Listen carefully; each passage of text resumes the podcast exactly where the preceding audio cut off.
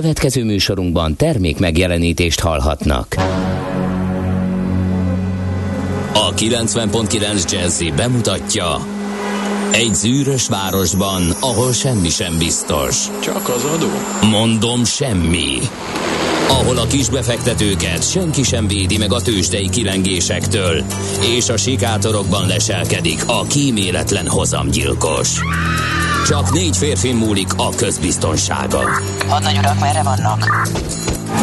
A mindenre elszánt és korrumpálhatatlan alakulat vigyáz a rendre minden reggel. Hé, kik ezek az állati nyomozók? Négy férfi egyeset és egy nyalóka. Ács Gábor, Gede Balázs, Kántor Endre és Mihálovics András. Az íróasztal mögül pedig Profit kapitány diktálja a tempót. Humor, emberi sorsok, közönséges bűnözők és pénz, pénz, pénz. Egy különleges ügyosztály. A Gazdasági Muppet Show minden hétköznap reggel a 90.9 Jazzin. De is figyelj, ne csak a bárányok hallgassanak. De miért? Ha nincs pénzed azért, ha megvan, akkor pedig azért. Millás reggeli. Szólunk és védünk. Szép jó reggelt kívánunk, kedves hallgatók! Elindul a Millás reggeli ma is, a héten utoljára, mert hogy péntek van, amúgy meg március 11-e és fél hét után járunk kettő perccel, itt van Ács Gábor. És itt van Gede Balázs. Jó reggelt! És nyilván a hallgatók is a 0630 20 10 909-en, mert hogy ez egy SMS, egy WhatsApp és egy Viber szám egyben. Uh, ide lehet írni nekünk, és ez D. Kartárs meg is tette. Optimista, mínuszos, pirkadatos, jó reggelt, kartársak! A héten ma tapasztaltam a legkellemesebb forgalmi viszonyokat Göd és Pest között. Alig 20 perces, meneti, 20 perces menetidő és suhanás minden szakaszon.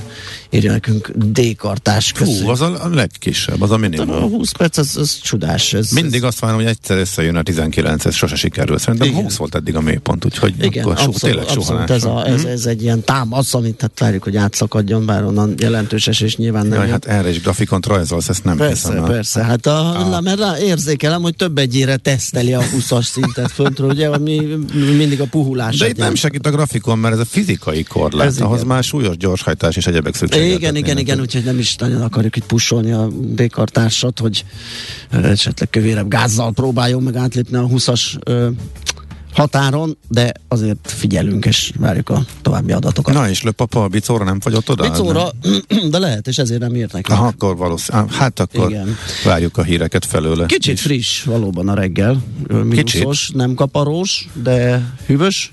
Igen. Bele kell öltözni, vagy föl kell öltözni rá. Hozzá. ez volt az alja, meg talán a holnap, amikor ezek a mínusz tízek is uh, bejátszanak.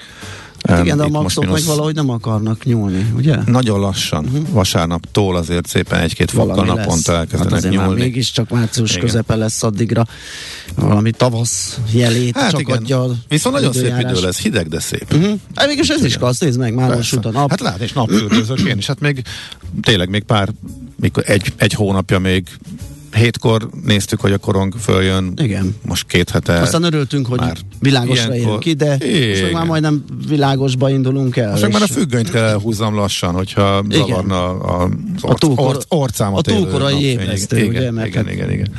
De miután van egy pici ereje még itt a ablakon keresztül is, mind, úgyhogy itt jól esik kicsit oldalról, világít Van, és abszolút. melegít, úgyhogy teljesen Figyelj, nekem tegnap délután már-már zavaró volt, mert először éreztem azt igen, hogy a, a szobámban, ami a munkaállomásom, úgy sütötte a képemet innen jobbra a tetőablakon keresztül.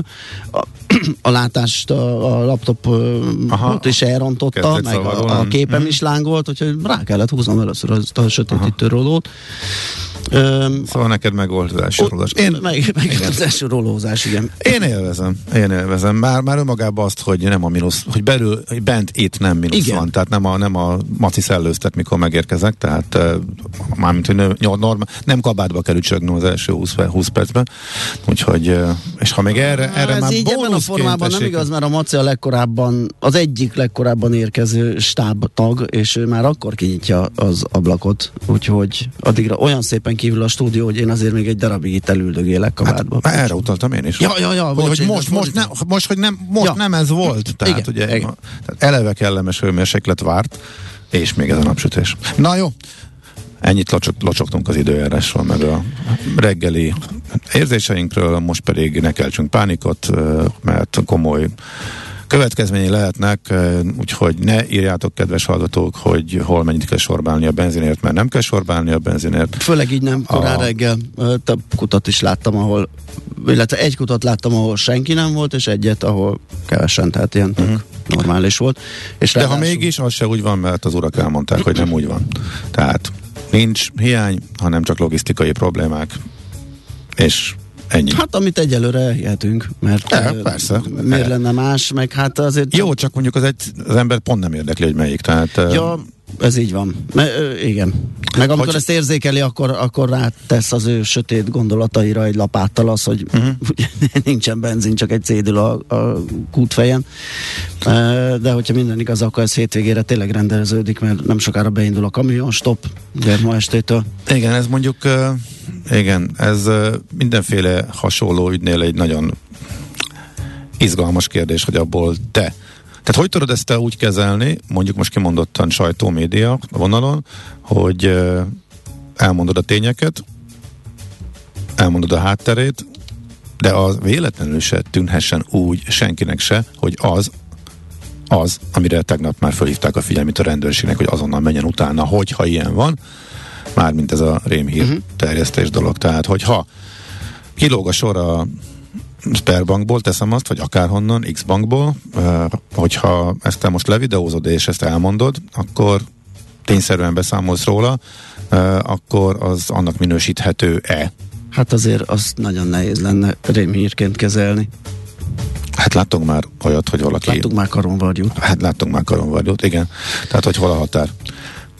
Mert igazából én nem nagyon láttam, hogy a sajtóban más, mint hogy ö, meg nyilatkozati szinten sem azt, hogy bezárta a kis kút, és uh-huh. sokat kell menni, és sokan, és, és sokan vannak. Igen. Ugye nem egészen tudom, hogy mire gondolnak itt, amikor a rémhírterjesztés büntetéséről értekeztek tegnap a késő esti rendkívüli kormányinfom. Igen. Na mindegy. Hát meg fogjuk látni, ö, illetve nem meg fogjuk látni, hanem mi tényszerűen fogunk tájékoztatni. Lesz ez ügyben szakink is, akivel ö, beszélgettünk, és a helyzetet vála, ö, vázoljuk, mert hogy 7 óra után majd a ö, Független Benzinkutak Szövetségének elnökével, az, ö, nem az, hanem Egri Gáborral fogunk ö, beszélgetni a tapasztalatokról, meg arról, hogy mi a helyzet a, a kutak környékén. Ugye tegnap este volt az a rendkívüli kormányinfo, amiben jött Hát ez kb. három intézkedés, ugye? Igen, de hát az egyik az, ami elég nehezen megfogható, ez a rendőrséget fölkérjük, hogy üldözze a rémhírterjesztést. Igen. A jövedéki adócsökkentés az egy egész konkrét, egy újabb jövedéki adócsökkentés segít kicsit a nagy kereskedőknek, de hát az lényegében mol, mert hogy már senki nem csinálja csak akinek muszáj. Ekkora a bukó valamennyi hát illetve- bevere kényszerítették őket. Igen. És mi a harmadik? A, a, A súlykorlátozás, meg a teherautók, ö, ez a magyar rendszám, nem magyar rendszám, nagy teherautó, nagy nyomású kútfej, Egyébként rendes tegnap ár. egy hallgató javasolta, és be is dobta ötletként, Hát hogy, én, én megmondom igen, hogy őszintén, a, benz, a nem, benzinturizmus nyírjuk én ki. azt tehát nem igen. tudom, hogy ez hogy nem jutott eszükbe a döntéshozóknak az elején. Hogyha itt vagyunk Európa közepén egy, egy zárt, rögzített árral, és majd el kell szivárogni Igen, fölfelé. és, minden, és mindenhol a környékünkön 10-15, aztán 20%-kal drágább Igen. a benzin, hogy nem fog a félvilág hozzánk elni tankolni. Hát mindegy, jobb később, mint soha. Kérdés, hogy ez mekkora veszteséget, hol mekkora veszteséget hagyott. Majd erről is próbálunk beszélni és információkat szerezni. Most viszont megköszöntjük a szilárdokat, van jó sok szilárd ismerősünk, úgyhogy mindenkinek, a, aki nem ismerősünk, persze azoknak is. Boldog névnapot kívánunk, és egy számtalan név a naptárban csak egy-kettőt említsünk, a borbolyák is ma ünnepelnek, a rizák, a szofronok, az úrikok, a kaducsák, Konstantinok és még sokan mások. Események közül kérem szépen, hát eh, 2014 ezen a napon, március 11-én a Krím köztársaság deklarálja függetlenségét Ukrajnától. Hát ott indult el jó sok minden probléma, ami elveszettett a mai napi helyzetekig. A születésnaposaink közül Matula bácsira emlékezhetünk, Bányidi László ugyanis 1906-ban született ezen a napon. Bob McFerrin, amerikai jazz énekes karmester is ezen a napon született, és Douglas Adams is, ugye a galaxis utikalós toposoknak onnan a legismertebb, vagy onnan ismerhetik sokat. Én, amit nem tudtam egyébként, hogy a Kivaj Dokinak is három epizódját ő írta, ugye a Dr. Húnak. Um, és Nina Hagent is említsük meg, a kiváló NDK popénekesnő. Mi lehet vele, vajon? Ha most már csak nem. NDK.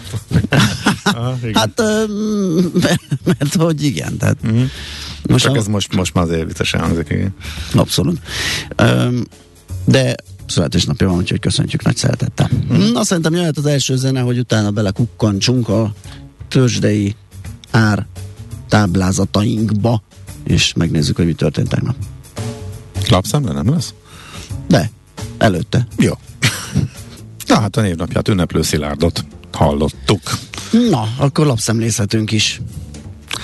Aki a számlagyár, a Fuzik Zsolt féle számlagyár titkaira kíváncsi, a 444.hu hozza a második részét. Részletesen a történetnek, hogy uh, hogyan működött a bukott ügyésszel, hogyan találkoztak uh, a börtönben, egy, egy cellában, és indították el úgymond közösen. Varga Gergelyel, tehát ezt a most idézőjelben mondom, e, vállalkozás, meg az egésznek a működését a friss második részében e, ennek a részletes e, anyagnak ma reggel hozza a 444.hu, tehát ha valaki. Erre kíváncsi, akkor ez egy izgalmas és hát tanulságos olvasmány, mondhatjuk így. Szerintem ez is izgalmas és tanulmányos lesz, vagy tanulságos, tanulmányos lesz, igen, tanulságos lesz. A portfolio.hu-n ma reggel Beke Karcsi csinált interjút Zsidai Viktorral, uh-huh és ahol Viktor elmondta, hogy jó eséllyel egy stagfláció közeli állapot felé csúszik Magyarország, amennyiben nem sikerül megfékezni az inflációt. Ugye a stagfláció az, ahol a magas mhm. infláció, vagy relatíve magas infláció mellett nincs gazdasági növekedés, és arra is jó esély mutatkozik, hogy egy jelentős, nagyon jelentősnek mondta azt a költségvetési kiigazítást, amire szükség lesz a választások után, még akkor is, ha a kormány eltörli a jelenlegi formájában fenntarthatatlan és igazságtalan rezsicsökkentést. És rögtön az első kérdés úgy hangzott felé, hogy hol lehet a forint gyengülésének a vége, ugye, mint a legnépszerűbb, vagy se többeket érdeklő kérdés, amire természetesen nem akart jóslatokba bocsátkozni Zsidai Viktor, ugye megemlítve azt, hogy amikor most 400-ig elszaladt az árfolyam, az egy portfólió átrendezésnek volt uh-huh. az mhm. eredménye, és senki nem tudja megmondani, hogy nem jön el egy újabb olyan pánikhangulat, amikor el kell adni mondjuk 5 millió darab bét részvényt egy alapnak, és tetszik, nem tetszik, ár nélkül szórja, mint bolonda lisztet, utána az abból keletkezett forintot át kell váltani valamilyen euróra. A bét részvény alatt mit értesz? Mármint többek Pesti tőzsdén? Igen, igen, igen, igen. Ja. Tehát, hát tehát, igen, az, igen, az nagy részt OTP szokott lenni, mert abból van a legtöbb, meg a leglikvidebb. Igen, tehát, ugye, igen, igen, igen. Um, ide részben kapcsolódik, sokak fejében felmerülhet. Bocsánat, portfolio.hu, mert ugye múltkor megkaptuk, hogy a, nem ismételjük meg a végén, hogy hol van az olvasmány, uh-huh. és esetleg nem tudják a később becsatlakozók. Igen? Ja, akkor én most csak a végén mondom, nehogy, mert biztos, hogy elhangozzon. Jó. Nehogy a fejembe úgy legyen, hogy ja, ha már elmondtam. Um, egy másik szakértő, akivel mi is uh, szoktunk beszélni, a héten is uh, vendégünk volt Plecser Tamás, ő arra a kérdésre is választ ad.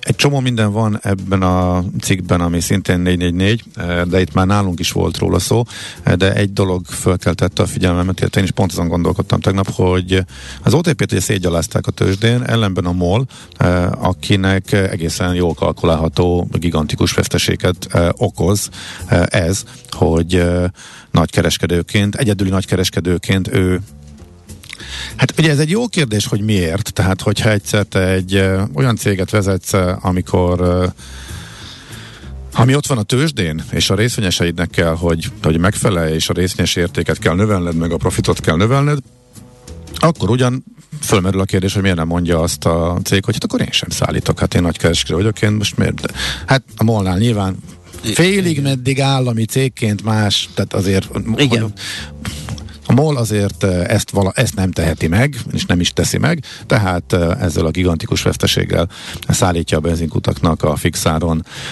a benzint, és az, hogy két milliárdot bukik naponta, ez jól kalkulálható, és is kiderül ebből a cikkből, de hogy ez igazából összességében miért nem akkora veszteség, mert hogy a másik oldalon... A kitermelési oldalon meg a 120-130-os dolláros olajáron gondolom meg megnyeri. Nem, sokkal olcsóbban szerzi be, mert urál. És az urál annyira elvált, az urálnak az ára az nagyon lent van, tehát ő nagyon olcsón szerzi be. Uh-huh. Tehát ez nem Brent és nem VTI, hanem miután az ural hozzánk jön a vezetéken, és még egyelőre nincsen benne fennakadás. Ellenben rengetegen tankerrel szállítanak, de a tankerekre megszűnt a biztosítás, és senki nem megy el a Fekete-tengeren elszállítani, ezért az órának elvált az ára, és len maradt. Miközben az olajár iszonyatosan fölment, a MOL nagyon olcsón szerzi be. Innentől fölmerül a kérdés, hogy ha nem lenne az árbefagyasztás, akkor a MOL egy egészen extrém, gigantikus extra profitot könyvelhetne Igen. el ezen, hogy akkor miért ehhez van kötve a benzinár, ha egyszer a molnak e, tehát miért így számolódik egyáltalán a, a magyar benzin? Tehát egy érdekes kérdés. Minden esetre a MOL ezért nem bukik akkorát, sőt, nem is igazából bukik. Ki lehet számolni, hogy mekkora veszteséget okoz neki a nagykerárban az, hogy ő sokkal olcsóban kénytelen adni, de a beszerzési ár is nagyon alacsony van, és ezt kevesen tudják, és ez nagyon érdekes dolog, ami kiderült ebből a cikkből.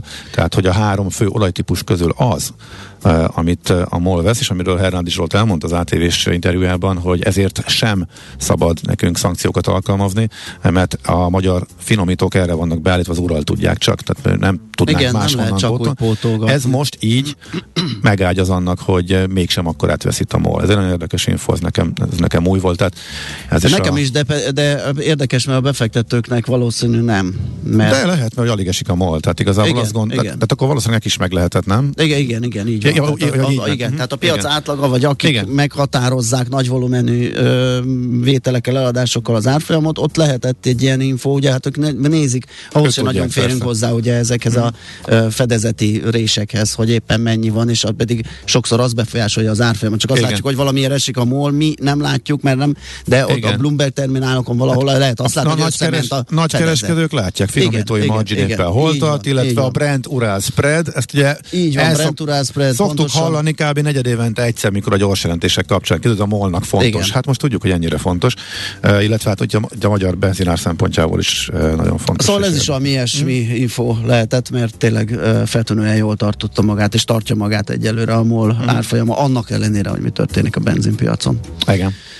Uh, jó, én mondtam a Viktort a portfólióval, mi van még, amit tudunk említeni, 24.hu-t nézem, de alapvetően az orosz a háborús helyzetről látok itt információkat, meg uh-huh. uh, balesetről, meg az észak-koreai űrkísérletről, um, gazdasági frisset, azt most így annyira nem. Természetesen a, a tegnapi kormányinfo döntéseit azt mindenki hozza, Uh, úgyhogy lehet, hogy zenélhetünk, és mm, akkor tényleg jó. belenézünk végre a tőzsdei árfolyamtáblázatokba. Hol zárt? Hol nyit? Mi a sztori? Mit mutat a csárt? Piacok, árfolyamok, forgalom a világ vezető parketjein és Budapesten. Tőzsdei helyzetkép következik. Pár hallgatónak feltűnt, hogy arra vasszoltál, hogy még a végén sem mondtad el. Hogy... Nem volt szándékos. Ez is egy 4 cikk volt, csak amikor tegnap este olvasgattam, még nem a ma reggeli felhozatalból volt. Igen. Na nézzük, hogy valami, valami olyasmi a címe, bocs, hogy a molnak nem tesz be nagyon, vagy a molt nem teszi tönkre, vagy nem, nem pont így a benzinár befagyasztás, Aha. viszont a GDP-nek betelt, mert van egy folytatása. Ja, ja, azt láttam valahogy. Tehát az ágyűrűző hatások azért a gazdaságnak azért igen, oda igen, csaphatnak. Igen. Mert elsőre azt gondolnád, hogy a, hát a MOL gigantikus profitjából lecsíptünk, és akkor ennyi. Nem, pont, hogy nem ezért volt érdekes, igen. Nos, tegnap a Budapesti értéktősdén két százalékos csökkenés lett a vége, pedig mint hogyha még plusz lett volna az elején, ugye? Onnan olvat le, 881 mínusz 42.028 pontos záróérték. Igen, mert az OTP-t azt, tehát amikor van több napon keresztül az, hogy nyitás után még tépik, tépik, tépik, akkor bármi történhet a piacon, akkor ez Igen. a hasonló reakció, a daytraderek nagyjából a vonos oldalon állnak be. Úgyhogy után az OTP-t fölhúzták egészen 12.500-ig, és akkor utána nagyjából a nemzetközi hangulattal visszaereszkedett, és a végén is inkább lefelé csapta. 34,1 milliárdos forgalomban történt mindez a Richter kivételével gyengültek a vezető részvényeink. Azt mondja, hogy a MOL az 9 forinttal 3,4%-kal esett 2054-re, az OTP 440 forinttal 3,7%-kal 11.540 forintra. Tegyük hozzá, hogy az előző két napban 210%-ot emelkedett, nem pontosan, de hogy nagyjából 10 ezerről 11 ezerre pattant, aztán 11 ezerről 12 ezerre, és most a 12 500-as reggeli csúcsról kezdett Csomó mindent hozzátehetünk, azt is, hogy közel 8000 pont mínuszban van az OTP. Még így is. Tehát hát ha, mihez képest? A Igen. csúcsához képest. Hát kicsit kevesebb, de... Um, egyezünk meg 2005-ben, mert 19 ezer fölött járt biztos hát a csúcsán. Mondom. Úgyhogy ez még itt de a nagy volatilitás volt. mellett, de a mély ponton való himbilimbi, tehát ezek egyelőre még mm, rossz, rossz jelek. Figyelj, aki 10 megvette, ami kézenfekvő döntés volt, akár középtávon, akár csak egy felpattanásra várva, az csak egy 20%-os zsebre rakott pár nap alatt, tehát oké, okay, ez még a mélyponton himbilimbizés, de azért kőkemény. Persze, hát a nagy vola, a nagy vola az ezt hozza a kérdés, hogy aki, aki úgy vette, hogy majd tartogatja, az hogy fog járni, és, és uh, mikorra lesz abból valami, mm. mert lehet, hogy akár visszamegy oda a tíz alá, és lehet megint venni, vagy uh, még mélyebben, ugye ez nyilván attól függ, hogy meddig ez tart a... ez az egész cirkusz, mennyire lesznek mélyebb, súlyosabb fejezetei, de önmagában véve, hogy elhúzódik, az már És az nem már tudhatjuk, nagyon... tehát azért ez most már tényleg a gazdaságról szól, és nem, nem a háborúról. Erről két napja beszéltem, beszéltem pont erről, uh, a stagflációs félelmek, igen. igazából az inflációnak nem látod a végét, igen, igen, és, ez igen. A, és az egész tőzsdei hajcéhő, ez már nem közvetlenül, nem, nem amiatt van, hogy jaj, mert háború, hanem annak most egyelőre megint nagyon nagy a bizonytalanság, és lehetnek nagyon-nagyon komoly uh, gazdasági hatások. Ezért nem megy vissza vég nélkül az OTP sem mondvá, hogy hú, igen. olcsó Tehát egy elképesztően turadott uh, piacon igen. a fölpattanás az várható. Nem tudtuk, hogy honnan lesz, hogy most tízezerről, vagy, vagy kilencről, vagy, vagy éppen honnan, de ez megvolt. Ugye ez volt tegnap előtt. Igen. Meg volt a felpattanás, és most már egy kis kiózanodás tegnap, most nagyjából itt tartunk. Magyar Telekom 4 forinttal gyengült, 394 forintra az 1 százalékos mínusz, a Richter pedig az egyetlen kivételként erősödött másfél százaléka 7100 forintra. Ja, a Bumix az 5 pontot csökkent, és mindjárt megnézzük, hogy az egészen ö, kicsik. Az x kategória mit csinált? Azt mondja, hogy ö, vegyes a kép ott is, de nagy mozgások voltak, az Ébdufer például 6,5%-ot tudott esni, a, miközben a Gloster másfél százalékot emelkedni, a DM-ker még többet, 3,1%-ot a nap az 1, az 1 egész százalékot emelkedett, a Polyduk pedig 3,2%-ot csökkent, a Cyber meg 10 esett, de a Cyberben nagyon kicsi, nem is tudom. Uh-huh uh, úristen, ez nagyon kicsi forgalom, 385 ezer. Ja, egy-két kötés van. Uh-huh. Jó, uh, Európában tehát, illetve Amerikában nagyjából a globális piacokon ismét. Az előző napi nagyon nagy fölpattanás, hát amikor a DAX emelkedik 8%-ot, azért az nagyon kemény, és abból 5 napon belül, tehát oké, okay, hogy már a nyitás akkor a olajárnak a visszaesése, meg a béketárgyalások híre, tehát temérdek jó hír volt, tehát ugye tegnap előtt, és ebből lett egy gigantikus felhúzás, és akkor ez nagyjából el is halt tegnap már. Estek a tőzsdék, az olajár ismét fölpattant egy kicsit, utána viszont pont az olajárnak az ismét ismételt lekókadása eh, volt az, amivel magyarázták a szakik, hogy eh, Amerika kicsit magához tudott térni, tehát az elején volt eh, lent, Európa is nagyot esett, és napon belül azért Amerika, ha nem is látványosan, de legalább kicsit nyögvenyelősen, de csökkentette a veszteségét, és, és nem, volt, nem voltak nagy eladások, inkább, inkább ilyen, hát már nem annyira bátor, de inkább belevételek. Szóval csökkentek a veszteségek, és ezek az értékek, amiket az, ára, az árásként, a veszteségként említek, ez nagyjából napi csúcsot jelentik, illetve majdnem a napi csúcs közelébe sikerült visszamászniuk. Az indexeknek a Dow Jones 3 a Nasdaq majdnem 1% az S&P pedig fél százalék környéki Mínuszban zárt, de mondom, ez a napi csúcs, mert ennél azért jóval lejjebb voltak, az S&P nagyjából két százalékot közelítő mínuszt dolgozott le fél százalékra, és az olajárat érdemes egyébként leginkább figyelni, hogy úgy tűnik, hogy a nagy felszúrás után itt már kicsit konszolidálódott, éjszaka nem történt igazából semmi, tehát 106-110 környéke, ez most nagyjából egy ilyen hát nincs egy egyensúly el, de most vi, régen láttunk ennyire szűk sávba beszorulás mondjuk egy napon belül is az irgalmatlan ugrándozások után itt keresi a helyét az olajár, tehát már nincs az a dráma fölfel, amit az elmúlt napokban láttunk. Tőzsdei helyzetkép hangzott el a Millás reggeliben. Itt van velünk Talibolya, szia, jó reggelt! Jó reggelt, sziasztok! Mi újság? Vidámság? Vidámság, meg van Jó. egy nagyon fontos hír. Nem tudom, Na. hogy mondtátok-e. Melyik? Nem. Ezek szerint Akkor nem. biztos nem. Biztos nem. Úgy Hát, hogy nézel, hogy nem. Péntek van, és jön a négy Ja, napos ja. De várjál, Kezdjük már akkor- pozitívan a napot. Optimista péntek. Nehéz van. egyébként, nehéz.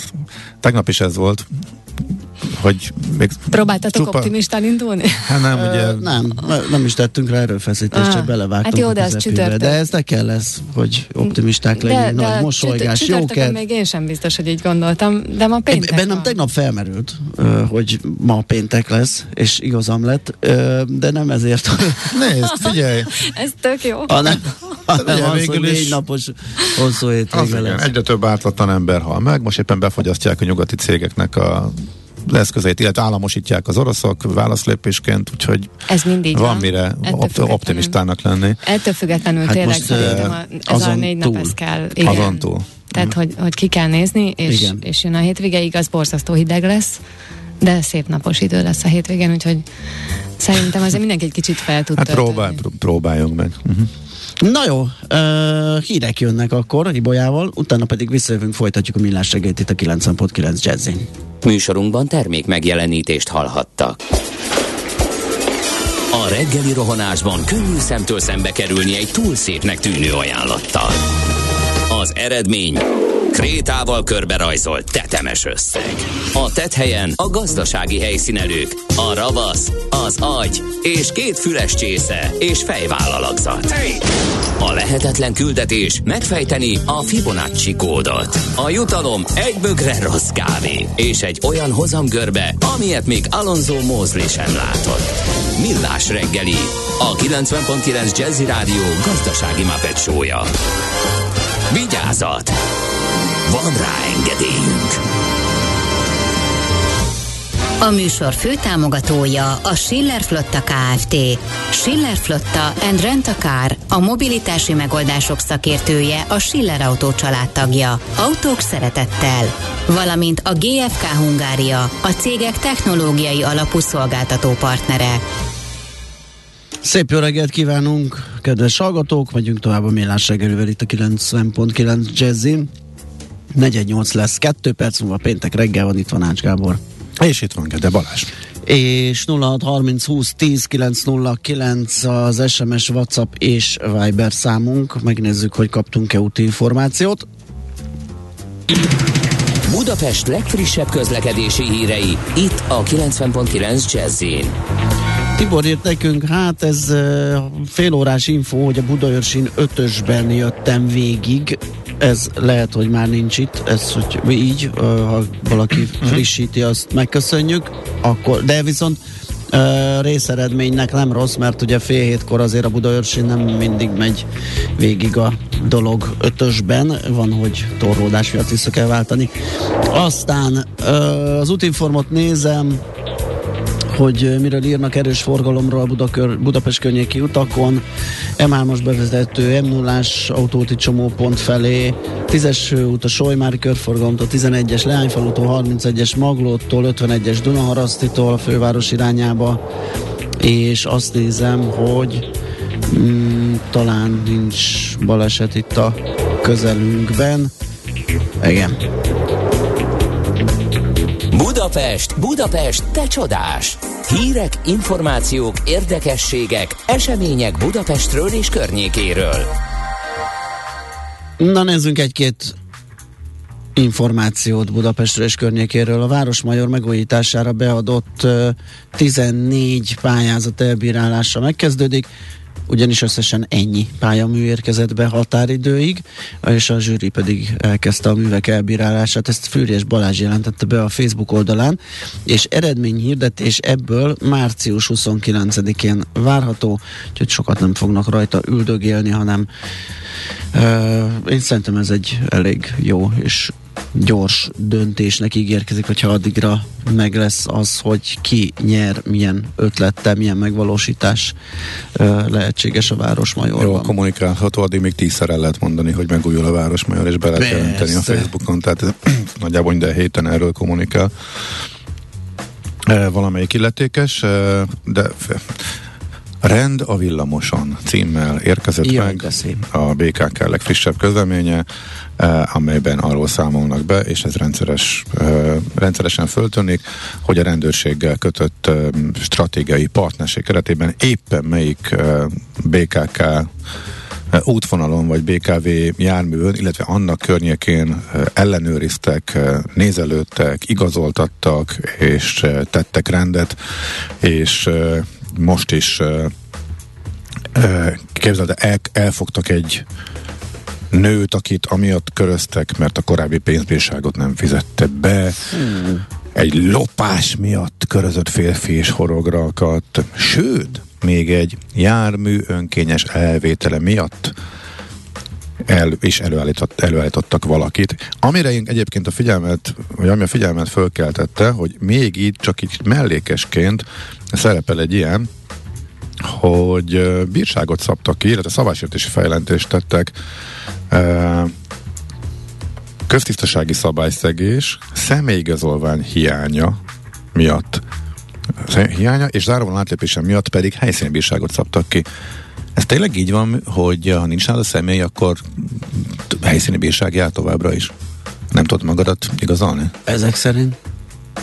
Nem tudom. A, mert hogy ez már, nekem azt hittem, hogy ez ilyen 30 éve nem így van, mert hogy Nekem nem volt ilyen, mert hogy nem is nagyon igazoltattak az elmúlt 20 Nem évben. tudom, de, hogy aki, de, engem de volt ismerősöm, akit igazoltattak, és majd a végén, hogy futás közben lekapták, és hát nem volt nála semmi, hogy akkor az, föl, vagy az mentő tényező? Vagy kocogni és vinnem kell a, a személyemet, vagy hogy, hogy megy ez? Ha persze. Hát, jó, oké, hát figyelj, nem tudtam, tehát ha van, akinek erről van infója, hogy ez még rend és fegyelem, ez még mindig így zajlik, tehát nem lehet csak úgy elmenni a Nem boltba személyigazolvány nélkül, vagy bármi, tehát Hogy gondolod? ha jó, ha oké. Ha, jó, hát, Persze. ha, Oké. Rend a villamoson, rend a utak. De nem a villamoson, mert azt is, azt is írták, hogy a villamoson igazából nem történt, villamoson nem találtak senkit, csak a villamosos ellenőrzéshez kapcsolódóan sikerült lefülelniük ezeket uh-huh. a hunyókat, akiket itt kiemeltek.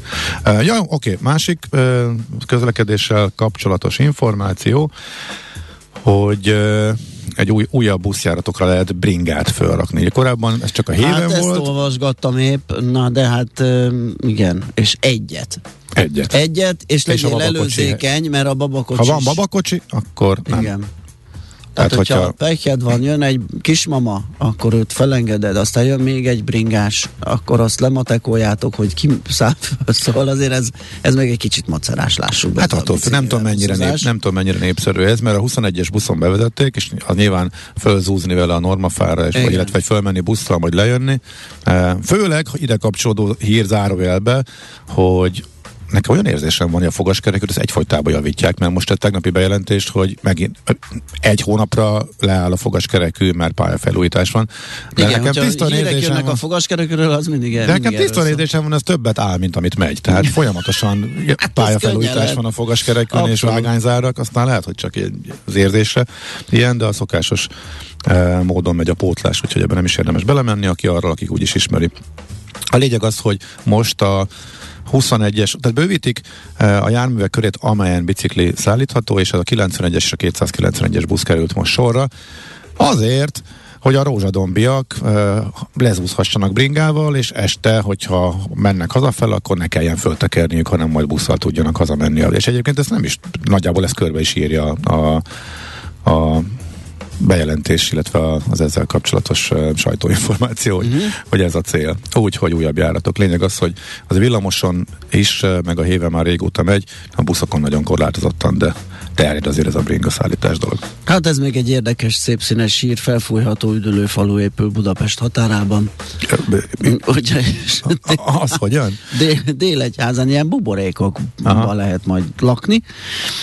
Speciális Hát kupola alakú dómok ö, adják majd a Dome Camping ö, részeként, egy 12,5 hektáros területen valósul meg 86 ilyen hát épület.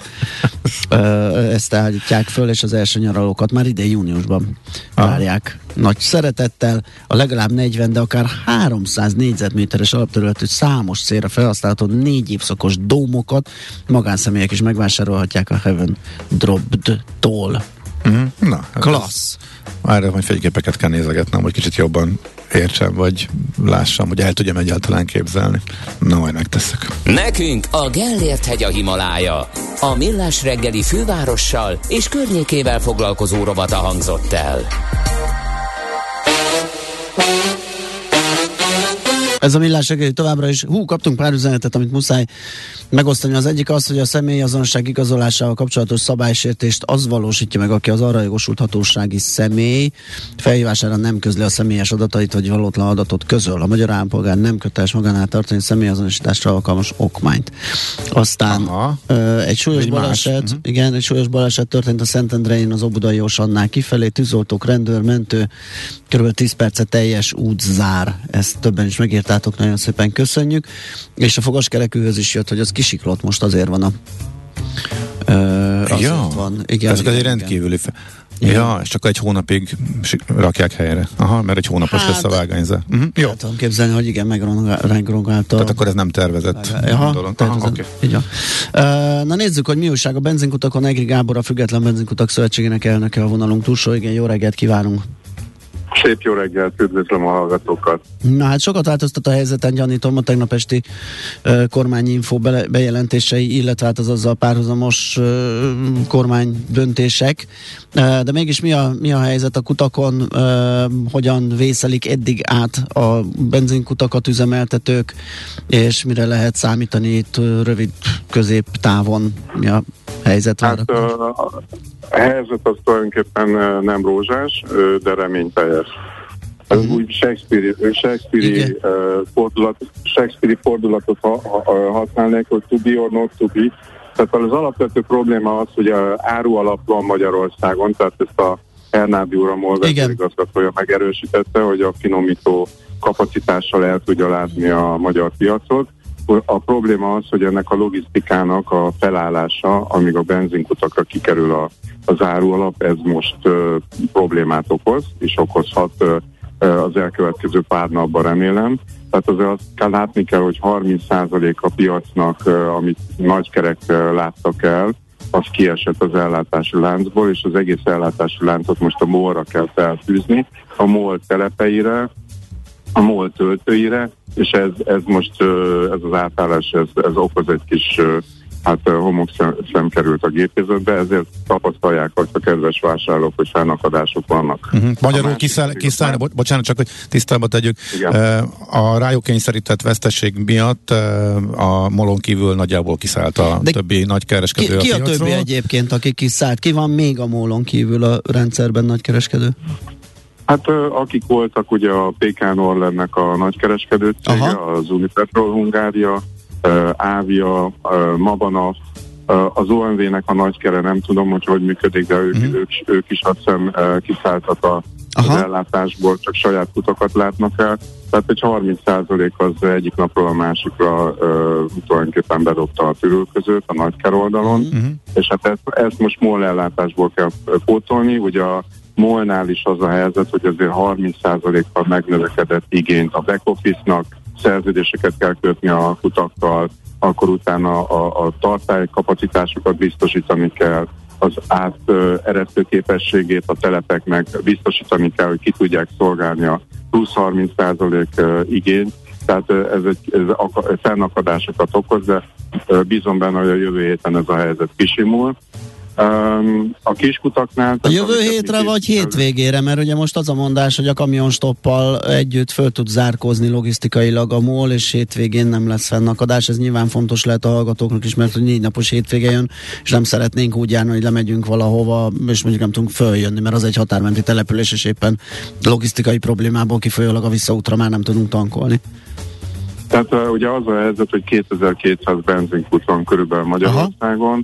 és általában azt lehet venni, hogy egy benzinkút 3-4-5 napos készlettel dolgozik. Most ezek a készletek elfogytak szinte mindenhol, ezeket újra kell tölteni, újra fel kell építeni a 4-5 napos készletet, tehát ez okoz most felnakadásokat. Ugye a kamionstop az valóban segítséget jelent a gázolajellátásban, ugyanakkor viszont elindultak a mezőgazdasági munkák. Tehát, hogy most ennek milyen kölcsönhatása van, kihatása van, ezt tulajdonképpen a jövő héten fogjuk látni. Tehát jövő héten tiszta lesz a kép, hogy a MOL-nak a logisztikája, a back office a szerződéskötésekkel, kiszállításokkal fel tudja venni a tempót. Tehát az mindenképpen megmutatva, amit a MOL vezérigazgatója mondott, hogy elegendő árualap van Magyarországon. Csak meg kell azt oldani, hogy ez az árualap A-ból B-be eljusson, mm. és a B pont az kiszolgálja a vevőket. Uh, hallottunk arról is, hogy a MOL-nak nem sok többletkapacitása van, mert eddig is küzdött például sofőrhiányjal, tehát neki sem egyszerű sokkal több beszállítania. Ez egyik kérdésem, ez tényleg így van-e? A másik pedig, hogy mi alapján dönt a MOL, hogyha prioritási sorrendet kell fölállítani, hogy ki kap és ki nem kap, hogyha ha több kút ha, ha, mondjuk, mondjuk. ha mondjuk egyszerűen több az igény, több a megrendelés, mint amennyit el tud látni. Hát, hogy a MOL milyen szempontokat vesz igénybe, ebben én nem tudok sajnos nyilatkozni, ezt tőlük kell megkérdezni. De hogy a, hogy a kiskutak ebbe a tapasztalatok alapján hol állnak, azt tudja, gondolom ezért is kérdezzük. Hát uh, valahol folyamat, folyamatban benned, vagy hol, mert változó, tehát hallom a kollégáktól, hogy vannak kötöttek szerződést már a mollal, visszagazoltak nekik szállításokat, van, akik még nem kötöttek szerződést. Tehát ez egy 30%-os plusz terhelés jelent a MOL back office-ának, uh-huh. és hát ami, ami ugye ami problémás, ugye nincs elég sofőr Magyarországon, óriási sofőrhiány van, és ugye a, a, a, a tartálykocsis szállítás az egy speciális feladat ABS termékről van szó, tehát ott speciális jogosítványon lehet csak ilyen tartálykocsikat venni, tehát vezetni, tehát nem lehet úgy, hogy most leveszek egy nyerges vontatóról egy sofőrt, és átvettem a tartálykocsira, mert olyan speciális jogosítvány kell. És tehát a, a logisztika most uh-huh. meghatározó az, hogy, hogy legyen ellát, legyen jó és ellátás, és vissza, visszaálljon a rend. És a többi nagy kereskedő, bocsánat, a többi nagykereskedőtől nem lehet ilyenkor kölcsön kérni kapacitást, eh, mármint eh, sofőr, illetve tartálykocsi kapacitás, ha ők meg éppen leálltak? Hát ez, ez nagyon nehéz, ugye, mert szerződéseket kell kötni, tehát ezek uh-huh. mind átfutás ideje van. Kapacitásokat át kell csoportosítani. Ez egy nagyon komoly logisztikai feladat. A másik ugye meg a kiskutaknál, tehát akiket mi képviselünk, most már 350 uh, jogi személyiségi társaság, tehát 5-600 kult csatlakozott hozzánk. Ugye az van, hogy mi a kormányal megállapodtunk, és uh, hogy 20 forint per támogatást kapunk, de ez csak utólag lesz elszámolva. Most, hogy megnőttek a logisztikai költségek, mivel részben a sofőrhiány, a tartákocsi hiány miatt a szállítási költségeket nekünk kell állnunk, tehát a 20 forintból már nem jövünk ki, tehát a 20 forint az már 22 forint ráfizetés. Tehát itt mhm. fogjuk kezdeményezni a kormány felé, hogy, hogy itt mindenképpen ez is hozzá kell nyúlni, mert, mert biztosítani kell az országban a kiszolgálást. Tehát ezek a kis közepes szereplők, a, a kihullanak, hanem nincsenek benne az ellátási láncban, nagyon jól látszik most, hogy mi történik az országban. Uh-huh. Jó, okay. hát uh, mi bízunk a helyzet mielőbbi rendezésében, vagy rendezősében. Uh, Útelágazódás. Útelágazódás, igen. Igen, igen abszolút elá, elágazódásból vagyunk, a, a, a jövő hét az meghatározó lesz. Abszolút. Jövő hét meghatározó lesz. Mm. Oké, okay, figyelünk, és hát um, a közlekedőket meg a, arra bíztatjuk, hogy ne pánikoljanak, mert uh, valahol... Uh, pánikra, pánik, pánikra ok nincs, uh, azt gondolom, anyag van, így, így hívjuk az hogy anyag, tehát uh, ellátás lesz, egy kis uh, türelmet kérünk minden mm-hmm. kocsi vezetőtől. Oké, okay. okay. köszönjük szépen, jó munkát, köszönjük, szép napot, viszontalásra. Köszönjük vissza, vissza. Egri Gáborral, Független Benzinkutak Szövetségének elnökével beszélgettünk a kialakult helyzetről, ami a kutakon van, volt, remélhetőleg minél hamarabb megszűnik. Uh, ahogy hallhattuk, uh, inkább logisztikai probléma ez sem, mint ellátási. Oké, okay, ezt tudjuk. Ugye ez még attól még nem vigasztal, hogyha ott van a nincs tábla, és majd csak órák múlva jön, tehát... Hát igen, igen de, viszont, de viszont joggal gondolhatod azt, hogy akkor egy következő úton meg mm, fogsz tudni tankolni, ugye itt azt, ezt be kell kalkulálni, és lehetőleg nem csontszárazan érkezni. Igen, nagyobb, igen. Hanem valahogy figyelni. A, ha viszont így van, akkor teljesen logikus reakció az emberek részéről, hogy többet tartalékolnak, ha már, és nem pánikvásárlásról van szó, csak abból indulok ki, hogy hamarabb elkezdem föltölteni, mert nem lehetek biztos benne, hogy a következőn éppen eh, nincsen hiány, tehát akkor ez Jó, meg... de azért zacskóban meg kádakban nem, nem kell benzint jó, venni, persze, hanem persze, pusztán persze. azt kell mm. uh, csinálni, hogy sűrűbben tankolsz, nézed az út mentén, hol Igen. van benzin, lehet, hogy még bőven háromnegyed tankod van, vagy fél, rá kell tölteni, mm. mert a franc tudja, hogy mikor érkezel üres tankkal egy pont bezárt kúthoz, tehát picit odafigyelsz, hogy ezt ki lehet mozogni. A rendszer szintjén, ha mindenki ezt csinálja, akkor az azt jelenti, hogy mindenki duplán tankolt, és akkor ez már a számokban abszolút meg meglátszik és borítja a rendszert. Ha csak ennyit csinál mindenki, hogy a fél tankot, tehát sokkal hamarabb tankol, napokkal előre hozta akkor a tankolását. Igen, érted? bár szerintem nem, nem, nem ez okozza a problémát. Tehát, nem, nem, nem. Ha csak, ez lenne, ha csak ez lenne, akkor szerintem nem lenne ez. Tehát biztos, hogy a nagy része a, a tranzit kamionforgalom volt, mm. uh, ugye hát azok horror litereket tankolnak, tehát nem tudom hány száz liter fér bele a két tankjukba. Mm. Uh, úgyhogy mi ezt tudjuk tenni, és főleg nem izgulni és pánikolni és felhalmozni. Műsorunkban termék megjelenítést hallhattak. Nos, ha minden igaz, akkor itt van a telefonvonalunk túlsó végén Szabó István, a KPMG Senior Manager. Szia, jó reggelt! Sziasztok, jó reggel! Na, jó van. Na, akkor kicsit alapozzunk egészen, egészen távolról. Nézzük meg, hogy mi ez az ESG, hogyan alakult ki, és uh, miért pont most uh, kell nekünk erről beszélni, miért foglalkozunk vele. Oké. Okay. Néhány hónapja éve robbant be a köztudatba az üzleti tematikával, de valahogy még mindig kapunk olyan kérdéseket, kéréseket, hogy dekódoljuk ezt a három betűs mozaik szót. Mit is takar, mi van benne, mi nincs benne. Most ez egy új dolog, vagy sem? Van-e rá valami okos checklistánk, vagy valami copy-paste megoldásunk? Uh-huh. Hát azoknak, akiknek esetleg új lenne, röviden az ESG, az Environmental Social Governance rövidítésből fakad, és a társaságok környezeti társadalmi és vállalati irányítási teljesítményét lenyomatát szolgál bemutatni. Ugye erre még egyelőre nincsenek ilyen univerzális és egységes standardok, de már eddig is több elemét alkalmazta a legtöbb vezető vállalat. Csak meg nem így hívták, vagy nem volt ennyire komplex, részletesen kimunkálva, vagy dokumentálva, mérve, vagy így egy, egy egységként kezelve. Csak hogy mondjak erre egy példát, mit egy olyan társaság, ami mondjuk kommunikációjában ugye nagyban hirdeti a környezeti fenntarthatóságot, folyamatosan igyekszik fejleszteni, igazolni, hogy mondjuk mennyire kicsi a karbonlábnyoma, miközben a munkatársának fejlesztésére meg nem igazán figyel, vagy 40%-os mondjuk az éves fluktuációja, és folyamatosan cikkeznek az etikát nemzeti magatartásáról, és sorra kapja mondjuk a hatósági bírságokat versenyellenes adatvédelmi vagy fogyasztóvédelmi védségek miatt. Tehát az a lényeg, hogy mindhárom dimenziót egyszerre és kiegyensúlyozottan kell folyamatosan fejleszteni. Amúgy erre az ESG rating ügynökségek módszertana is erősen ráerősítenek. Például az ingatlan szektorban az, az environmental, tehát a, a környezeti dimenzió is maximálisan 40%-ot tud kitenni, ki gondolná. Uh-huh.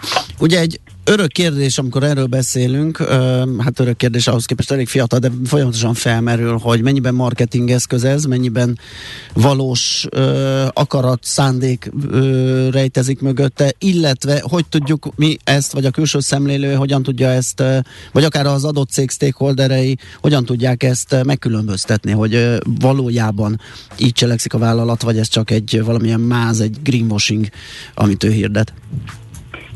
Hát igen, hogyha a zöld dimenziót nézzük, ugye a, a, a zöldre mosást, ugye ez most szintén egy eléggé növekvő kockázat, már csak azért is, mert azt látjuk, hogy az ebbe a termutikába irányuló pénzeszközök egyre jelentősebben exponenciálisan növekednek. Mi azt szoktuk mondani, hogy alapvetően érdemi ESG tevékenységet és környezeti fenntarthatósági tevékenységet kell folytatni. Ebben nagyon fontos és meghatározó szerep a lényegesség és az arányosság, tehát hogyha egy pénzintézet, mondjuk a Scope 3, és a finanszírozott kibocsátással foglalkozik elsődlegesen, akkor ezt jól teszi, és nem feltétlenül mondjuk az irodai víz és papírfelhasználás csökkentésével foglalkozik behatóan, vagy mondjuk érzelmileg egyébként nagyon megható társadalmi programok felkarolásával, mondjuk egy állatmenhelynek a, a támogatásával. Természetesen ezek is nagyon fontosak, de az arányok az erőfeszítésekben, a befektetésekben és a kommunikációban tükrözniük kell, hogy mi az igazán fontos az adott társaság működése szempontjából. Vannak standardok egyébként az ESG gyakorlatilag mind három dimenziójára, gondoltuk itt akár különböző ISO standardekre, a jelentéskészítésnek a standardjaire, ami a GRI, SASB, TCFD, nagyon jó, mert az ESG-n kívül jönnek be újabb mozaik szavak, mm-hmm, vagy akár egy, egy zöld kötvény kibocsátás esetében is akár az ITMA féle uh, Green Bond Principles, vagy a CBI Climate Bond Standardek. És ugye ami fontos még, hogy a greenwashing szerintem nagy mértékben csökkenthető, hogy csak hogy nem mi magunkról állítunk különböző dolgokat, hanem van mögötte külső független fél, aki igazolja uh-huh. ezeket a kinyilatkoztatásokat. Mennyiben, mennyiben biztosít ez profit előnyt egy így működő vállalatnak, és mennyire egy kötelező, amit hozni kell, mert most már ez a, az elvárás? Hát azok a megfigyelések, hogy egy, már említettem, hogy finanszírozói oldalról egy fontosak, e- hiszen a, a igen? De semmi csak akartam mondani, hogy erről majd fogunk külön foglalkozni, hogy a, a finanszírozási előnyökkel, meg ilyen típusú lehetőségekkel itt ebben a kis sorozatban. Igen. A másik ugye a befektető, olyan befektető csoportok is elérhetőek, amelyek korábban kevésbé kerültek fel a, a radarunkra, vagy mi nem kerülhetünk uh-huh. fel az ő radarjukra. Aztán ugye van ez a lohasz ügyfélszegmens, ami ugye érzékeny és társadalmilag meg környezetileg felelős döntéseket uh-huh. hoz a napi vásárlásai kötései során. Ez is egyre növekvő világszinten és Európában is. Um, működési kockázatok csökkenthetőek, ellenálló képesség csökkenthető, csak hogy ehhez is hozzak egy adatot, hogy az ESG alapok a COVID első évében akár több mint 50%-kal is jobban teljesítettek, mint az átlag. Um, és uh, azt is észreveszünk, hogy a tehetséges munkaerő bevonzásában és megtartásában is nagyon fontos, tehát nekünk sincsen már olyan um, ilyen, ilyen állásinterjúnk, ahol ne beszélgetnénk magára az ESG-ről, és a cég mit tesz. És már itt tartunk egyébként, a KPMG másfél milliárd dollárt investál az elkövetkezendő években az ESG-be, hogy ügyfeleinket mi is minél szélesebb körben ki tudjuk szolgálni, legyen szó akár egy ilyen dekarbonizációs stratégia elkészítéséről, egy EU taxonómia vagy GRI szerint jelentés összeállításáról, vagy egy felvásárlás előtti ESG átvilágításáról, vagy akár egy zöld kötvény, vagy zöld jelzálók levéltanúsításáról. Szóval nagyon szerteágazó a mi befektetésünk is ebben a tekintetben. Igen, mindjárt kérdezünk egy-két ilyen gyakorlati útmutató tanácsot is, de először talán az arra térjünk még ki, hogy milyen méretű cégeknek szól ez az egészen. Kicsik is tudnak tenni valamit, ami ilyen ESG-szerű működést mutat vagy ez a nagyobb cégeknek a, a, a területe, erről mit lehet elmondani? Hát jó hír vagy rossz hír, de igazából minden cég számára ez, ez egy lehetőség és egy, hát egyre inkább egy kötelezettség is, tehát nem függ a vállalat méretétől, csak hogy röviden válaszoljak a kérdésre. Szabályozási oldalról viszont elsődlegesen a nagyobb vállalatokat érinti, tehát több olyan szabályozás is van, ami Magyarországon is érinti a, a tőzsdeivel az 500 főnél nagyobb társaságokat, de vannak olyan szabályozások, amik már a 250 főnél nagyobb társaságokra is kiterjednek, ilyen például a, a CSRD, ami 2024-től ezeket a társaságokat is érinteni fogja. De uh, a kisebb társaságok sem úszák úgymond meg, mert vannak olyan erre irányuló törekvések, amik pedig a beszállítói láncon keresztül fogják majd ezt a követelményt érvényesíteni, vagyis hogyha proaktívan akarunk versenyképesek lenni, akkor ezekre érdemes időben felkészülni. És akkor a millió dolláros kérdés, hogyan kell ezt csinálni, illetve hát legalább az elejét, hogy ö, hogyan fogjon hozzá az a vállalat, aki ilyesmiben gondolkodik, és még csak most gondolkodik, tehát szeretné beépíteni ezt a ö, stratégiájába, hogyan kezdje mi az első lépés? Még behoznék egy olyan tanulmányt, amit 2020-ban adtunk ki, Towards Net Zero címmel, a Global Fortune 250 cégét vizsgáltuk, és az volt az érdekes megállapítás, hogy 2050-ig, vagy más időtávra a társaságok mindösszesen fele határozott meg karbonsemleges célokat, ezeknek a negyede írta le, hogy hol tart most, és 17% volt amely részesen le is írta, hogy milyen stratégia mentén érni el ezeket a célokat, vagyis nem igazán tiszta még az oda vezető út az mivel van kikövezve, vagyis ez az irány, azt gondolom, hogy ezen kell aktívan dolgoznunk, ami elképzelhetetlen felsővezetői támogatás, erős elköteleződés és erőforrások biztosítása nélkül, és mindenképpen kell egy dedikált személy vagy csapat, akik ezzel foglalkoznak, összefogják, és szükség esetén bevonnak ESG szakértőket. Uh-huh. Az alapoktól kell mindenképpen elindulni, tehát hogy hol, hol vagyunk, ennek alapján érdemes 20-30-as célokat meghatározni, mind három dimenzió mentén és kulcsfontosságú az indikátorok meghatározása és a megbízható adatoknak az összegyűjtése. És akkor innen lehet célkötőzéseket meghatározni. Világos. Megtettük az első lépéseket. Mi is ebbe a kis sorozatban. Miről hallhatnak majd még a hallgatók? Mit tudunk nekik mondani? Ugye említettem, hogy a finanszírozási oldalt majd bővebben kifejtjük később. Így van, tehát ez egy indító alkalom volt, és szeretnénk, hogy tovább mélyítsük ezeket az ismereteket a jazzin keresztül is, és akkor érinteni fogjuk a következő alkalmakkor az zöld pénzügyeket, dekarbonizációt, energiahatékonyságot, fenntartható energiatermelést, zöld ingatlan fejlesztési megoldásokat, akár a greenwashingot, hogy milyen módon tudjuk még jobban elkerülni Hogyha valakit esetleg egyébként ezeknél a 6 perces rövid bejelentkezéseken túl bővebben is érdekelnének ezek a témák, azok számára pedig áprilisban indítunk egy ingyenes és már személyes ESG képzési sorozatot a KPMG épületében. Itt pedig egy öt alkalmas sorozatot indítunk, és ott az EU taxonómiát, a pénzintézetekre vonatkozó szabályokat, jelentéskészítési sztendereket és a dekarbonizációt fogjuk részletesen két órás workshopok formájában bemutatni az érdeklődők számára. Nagyon klassz, hát állunk elébe, ö, úgyhogy a további részek így péntekenként akkor ö, elhangzanak itt a Millás reggeliben. István, köszönjük szépen, szép napot, jó munkát! Én köszönöm. Szia! Nektek is, sziasztok! Szabó Istvánnal a KPMG senior menedzserével beszélgettünk. Környezet, társadalom, irányítás. Gondolkozz az üzletről másképp, hogy a profit hosszú távon is fenntartható legyen. Mert az ESG már üzleti érték. A profit megmaradás törvénye a millás reggeli ESG rovata hangzott el. Mi a pénteki konklúzió? A hét legfontosabb eseményeinek és adatainak tükrében. Zárjuk a pozikat és pihenjünk rá a hétvégére. Milyen események hatnak a piacra a hétfői nyitásban? Devizák, részvények, tőke és árupiacok. Heti események és jövő heti felkészülés. Értékpercek. A millás reggeli treasury rovata következik. Na kérem, hát érdemes lesz nyilván a forintról is váltani pár szót, mert itt a 375 és a 400 között, vagy fordítva a 400 és a 375 között, eh, hogyha időrendbe akarjuk eh, tenni, eh, sok minden megtörtént, de beszélünk még másról, volt itt a MNB kamadöntés, inflációs adat, költségvetés, és még LKB kamadöntés is. Imrei Jánossal, az OTP Global Markets osztályvezetőjével futjuk át a hetet. Szia, jó reggelt! Jó reggelt kívánok, köszöntöm a hallgatókat.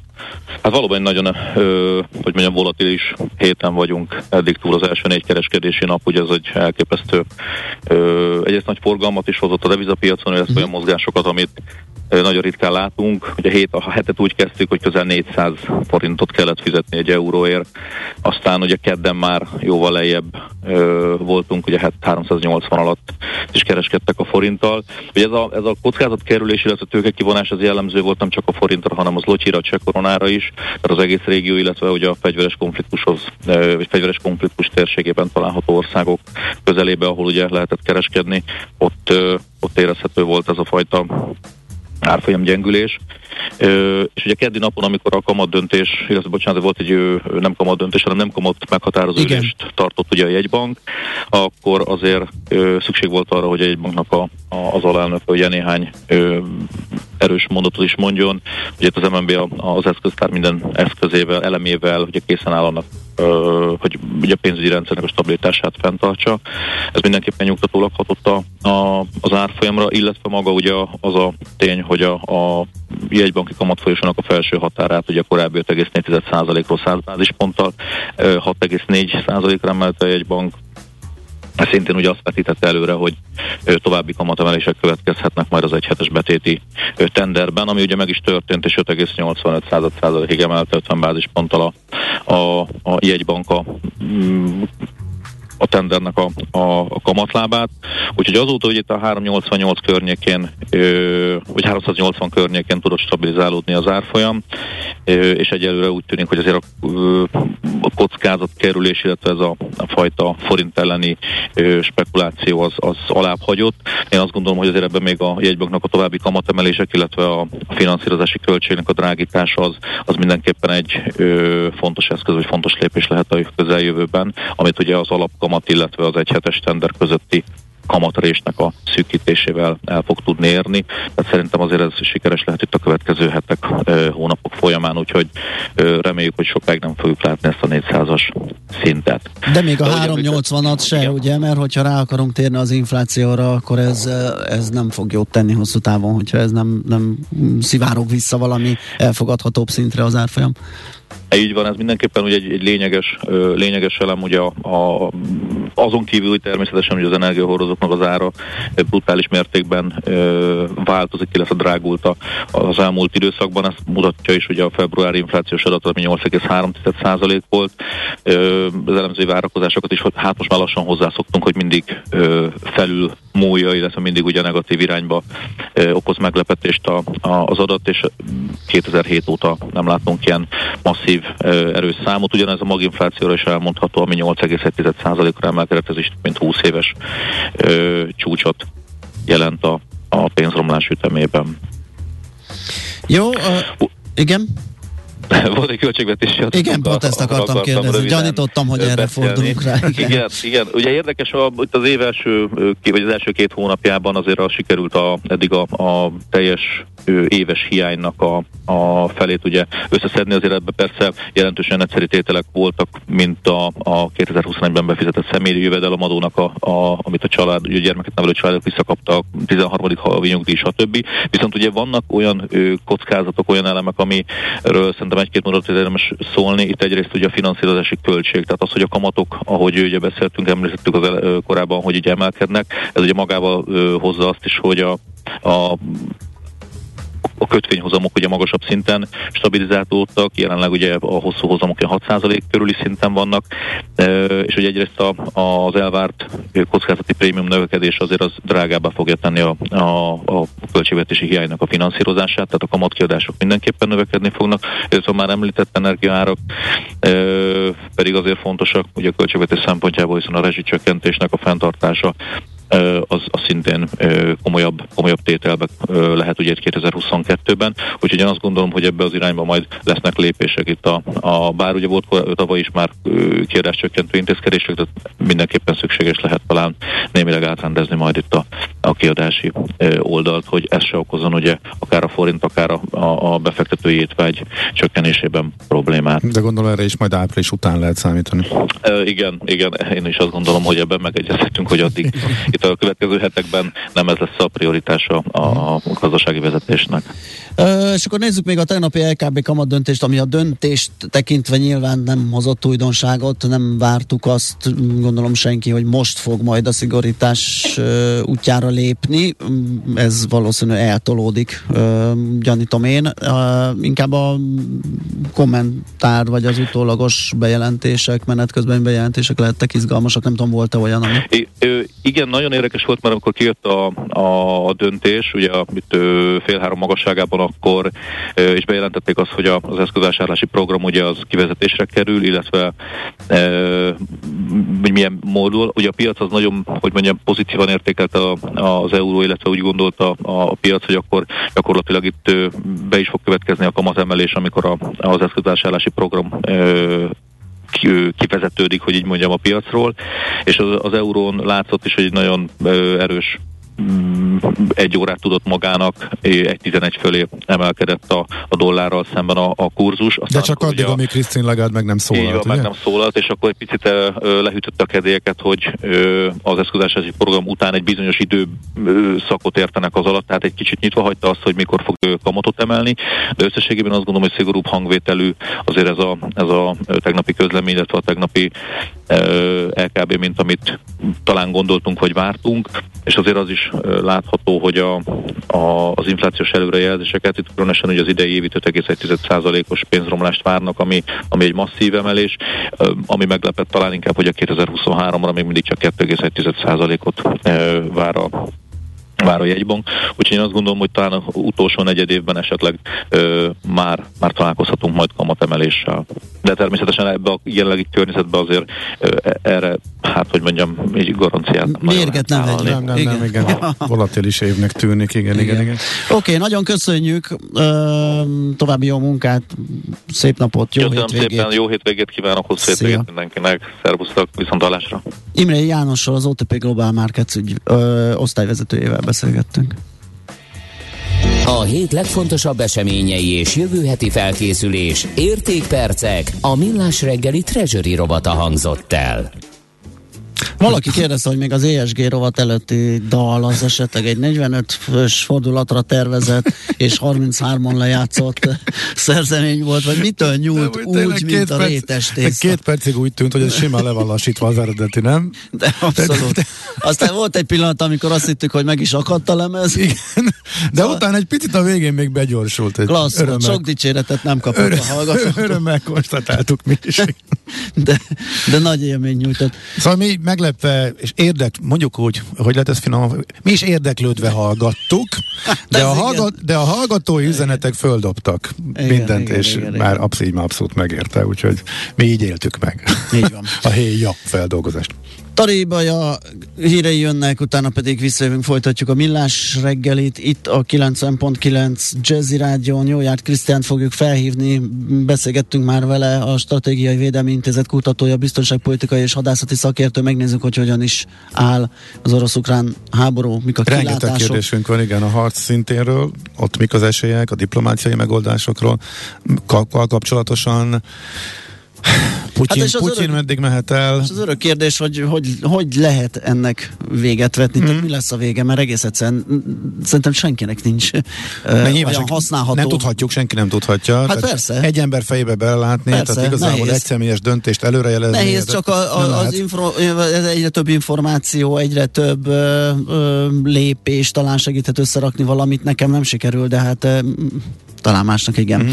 Szóval 8 óra után, a hírek után erről lesz szó. Műsorunkban termék megjelenítést hallhattak.